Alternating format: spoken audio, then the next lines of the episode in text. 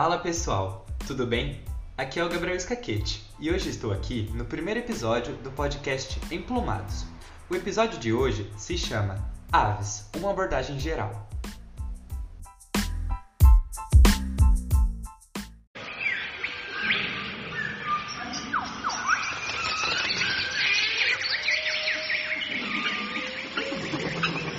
Com certeza você já viu alguma ave por aí, já que elas podem ser encontradas em qualquer região do globo, exceto no interior do continente antártico e em águas profundas. E cá entre nós, acho que você não mora em nenhum desses lugares. Embora as aves estejam presentes no nosso dia a dia, você já se perguntou alguma vez o que define uma ave?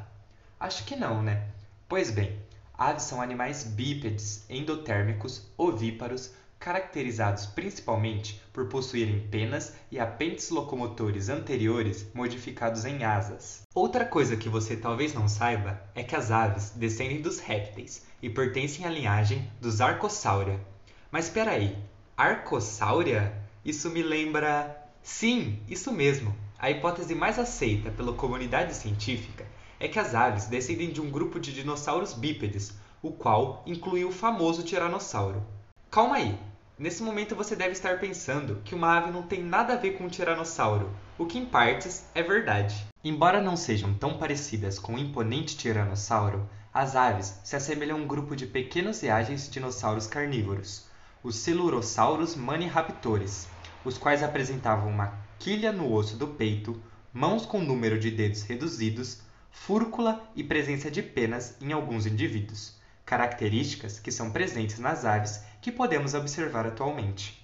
Sendo assim, aquela história que aprendemos quando crianças e que repetimos várias vezes ao longo da vida de que os dinossauros foram extintos, não é completamente verdadeira quando olhamos do ponto de vista evolutivo, visto que as aves nada mais são do que um grupo de dinossauro.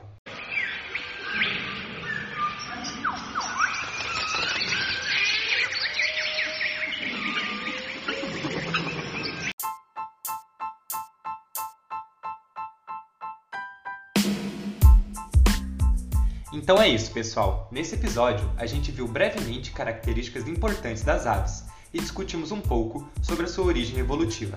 No próximo episódio, falaremos sobre uma característica muito importante das aves, a capacidade de voar. Até mais!